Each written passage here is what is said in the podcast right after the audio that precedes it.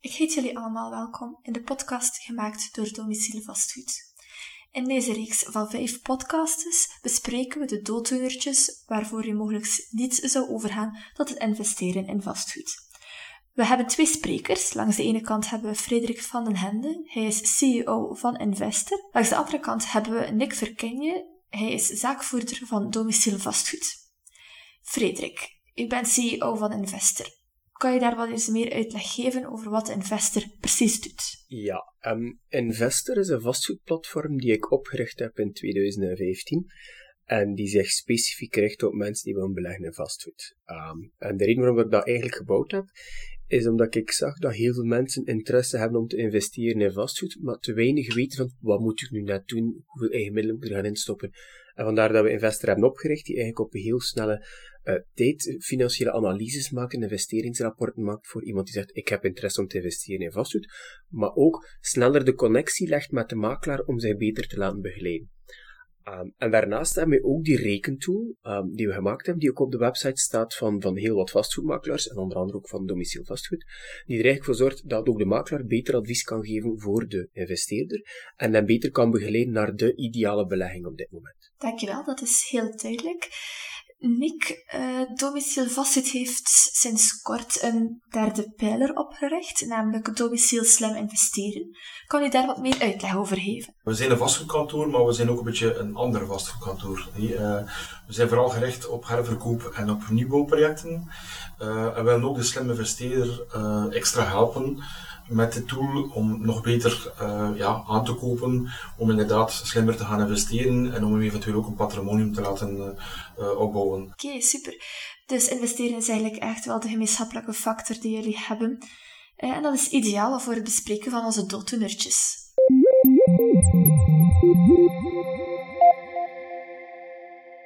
De volgende dooddoener die we zullen bespreken is het volgende. Verhuren, dat brengt veel stress en zorgen met zich mee. Dat klopt zeker. Voor kort op te antwoorden, dat is sowieso. Uh, maar, dat hoeft niet negatief te zijn, die maar dat ik nu vertel. Hoe beter, hoe beter je uh, gestructureerd bent, hoe beter dat je met alles, uh, alles goed, goed voorbereid bent, laten we zeggen, hoe beter en hoe minder stress dat je zeker zal hebben in de verhuring. dat is sowieso. Ik wil daar misschien op inpikken. Um, verhuren, zorgt dat stress?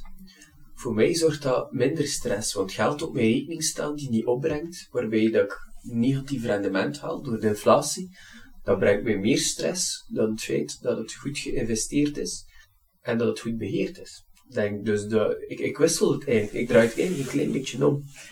En sowieso de stress dat je hebt, eigenlijk heb je niet zoveel stress wanneer je investeert in vastgoed. Je hoofdstress dat je hebt, mijn huurder betaalt niet. Dat is de hoofdstress. Maar dat is ook de enige stress dat je hebt. En hoe lost je dat op?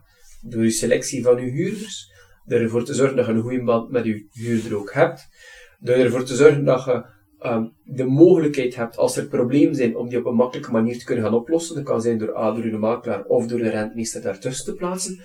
Maar eigenlijk is investeren in vastgoed bijna stressloos. Want als je kijkt naar de beurs, misschien volgen mensen, de beurzen. Op de beurs dit jaar is niet zo goed geweest. Is er een daling geweest van 20, 30 procent op uw aandeel in sommige gevallen. Bij vastgoed heb je al ooit een daling gezien van 20 procent op de waarde van uw vastgoed? Ik heb die nog niet gezien. Vastgoed is ongelooflijk waardevast, uh, waardoor dat ik denk dat investeren in vastgoed geen kopzorg meebrengt, maar voor mij gemoedsrust. Het is een veilige haven. Het is een plaats waarin dat je zeker bent dat het rendeert, want het zit in fysieke bakstenen. Het is gebouwd door mensen en dat heeft allemaal een intrinsieke waarde. Um, en voor mij, ja, ik draai het volledig om, voor mij is investeren in vastgoed, dat is voor mij geen kopzorg, maar dat is voor mij een opportuniteit. Omdat het heel veel problemen van mij weghelpt. Want op de beurs heb ik meer schrik. Ik geef daar altijd hetzelfde voorbeeld. Nico, hoeveel mensen ken jij die op dit moment het rendement op hun beursportefeuille perfect weten. Is dat 0% weet of iedereen? Ik denk dat iedereen weet hoeveel zijn rendement op zijn beursportefeuille is. Hoeveel mensen ken je die het rendement op hun vastgoedportefeuille weten? Zeg maar, hoeveel ken je er? Geen enkel. Dus um, vastgoed is voor mij een ongelooflijke opportuniteit, is voor mij een, een zekerheid. Um, en zorgt dat voor stress? Ja, oké, maar die zijn zodanig klein in vergelijking met heel veel anderen. Ja, uiteraard het spaarboekje, maar ondertussen is er maar een uh, 100.000 euro die beschermd is op je spaarboekje. Um, dat kan dan ook voor stress zorgen.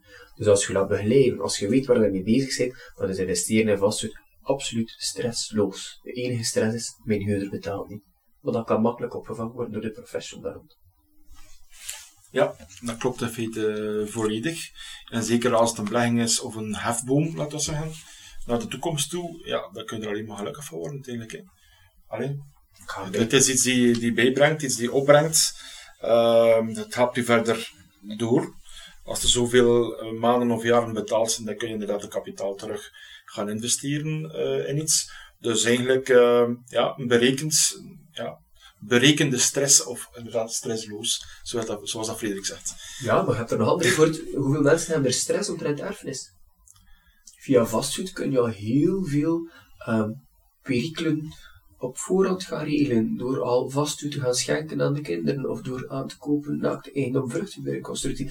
Daar los je ook al een heel belangrijk stressaspect mee op.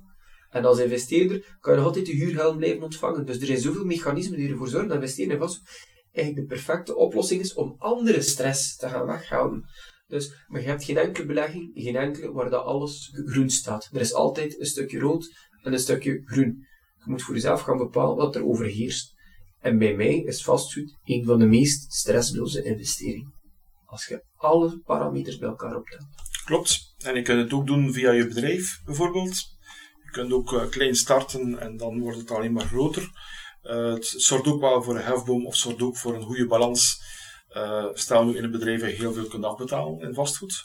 Ja, en je wilt verder groeien, dan, uh, ja, dan is het zeer belangrijk om de, voor de bank van wat hebt u precies, hoe ver staat u, het gebouw wordt, of het bedrijf wordt geschat.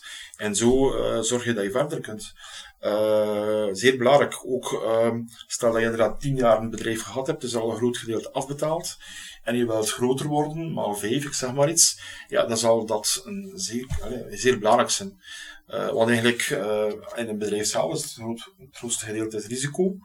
Dus uh, het vastgoed zorgt inderdaad voor een, een sterke, sterk opbouwende factor. Sowieso. En stel dat je wil investeren in verschillende panden, klopt het dan dat je met een, een goed stappenplan eigenlijk veel stress en zorgen kan voorkomen? Sowieso denk de, het allerbelangrijkste is wie ben ik als investeerder en wat wil ik bereiken. En een stappenplan, de allereerste stap is hoeveel heb ik, wat wil ik ermee doen en wat, wil ik, wat is het resultaat dat er moet uitkomen. En als je dat weet, dan kun je perfect de structuren gaan opzetten, kun je de juiste panden gaan analyseren, kun je de juiste investering gaan doen.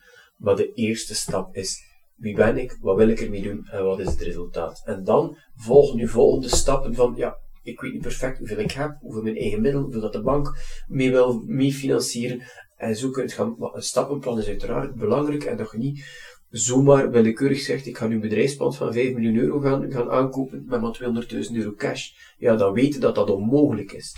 Um, of ik ben een risicoaverse investeerder en ik ga gaan investeren in, in een, een, een horecapand op een slechte locatie. Ik zeg niet maar iets. Um, heel belangrijk, wie ben ik, wat wil ik doen ermee? Dus dat stappenplan is uh, ja, zeker belangrijk.